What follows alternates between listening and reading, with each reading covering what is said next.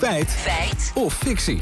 Lammert, biodiversiteit en windmolens op zee. Ja, eigenlijk naar aanleiding van een uitspraak erover in onze eigen uitzending van gisteren. Gast Joost de Groot van eh, Windalarm zei toen namelijk dit tegen onze collega Hila. We zien juist dat in, wind, uh, in, zee, in windturbineparken het onderwaterleven uh, enorm toeneemt, omdat er vaste uh, componenten onder water komen. Dus het is, juist enorm, het is juist een enorme verbetering van de biodiversiteit onder water. Uh, dat er windmolens worden geplaatst. Ja, een enorme verbetering. Uh, dan ben ik benieuwd. Ja, ik noteerde meteen ja. als, uh, als feit ja. of fictie natuurlijk. Nou, de Groot verwijst naar een onderzoek van de Wageningen Universiteit. Dus we belden allereerst met Josien Steenbergen.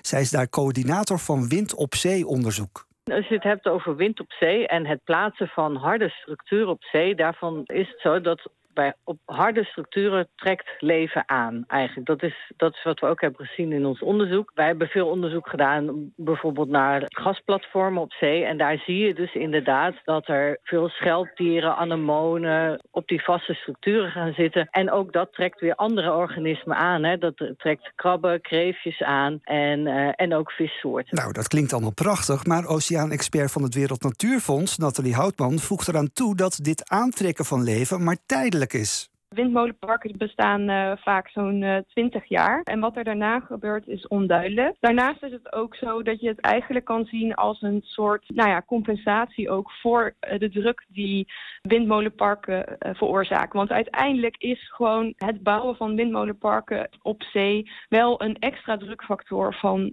voor de natuur. Ja, en van die druk hebben andere onderwaterdieren juist weer veel last. Op regionale schaal is met name de aanleg van windmolenparken wel wel echt een heel groot probleem, met name door de enorme hoeveelheden onderwaterlawaai vrijkomen via het heien. Daar hebben de soorten zoals bruinvissen, maar eigenlijk al het onderwaterleven last van, omdat geluid het allerbelangrijkste uh, medium is voor dieren onder water uh, en planten uh, om te leven. Ja, en zo zijn er nog meer factoren. Bijvoorbeeld ook een toename van schepen in het gebied voor het onderhoud van deze windmolenparken.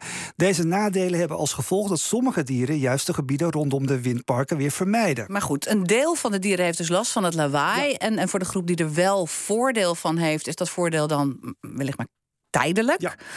Want zo'n windturbine die, die verdwijnt op een gegeven moment weer. En daarmee ook dan die nieuwe plekjes waar die oesters en die schaaldieren zich zo fijn op genesteld hebben. Ja, daar lijkt het wel op, vertelt Steenbergen. In principe hebben windturbine-eigenaars een opruimplicht. En die opruimplichtdiscussie die is ook echt nog steeds in volle gang. Er zijn dus steeds meer uh, stemmen die ervoor pleiten om te zeggen van ja, maar ja, juist als daar meer biodiversiteit lokaal komt door die harde structuren, dan moet je ze niet opruimen. Tot nog toe leert de ervaring, hè, want ditzelfde geldt natuurlijk nu bij die gasplatformen daar is tot nog toe nog steeds de policy opruimen. Nou, windmolens op zee, uh, laten we naar een conclusie toe werken.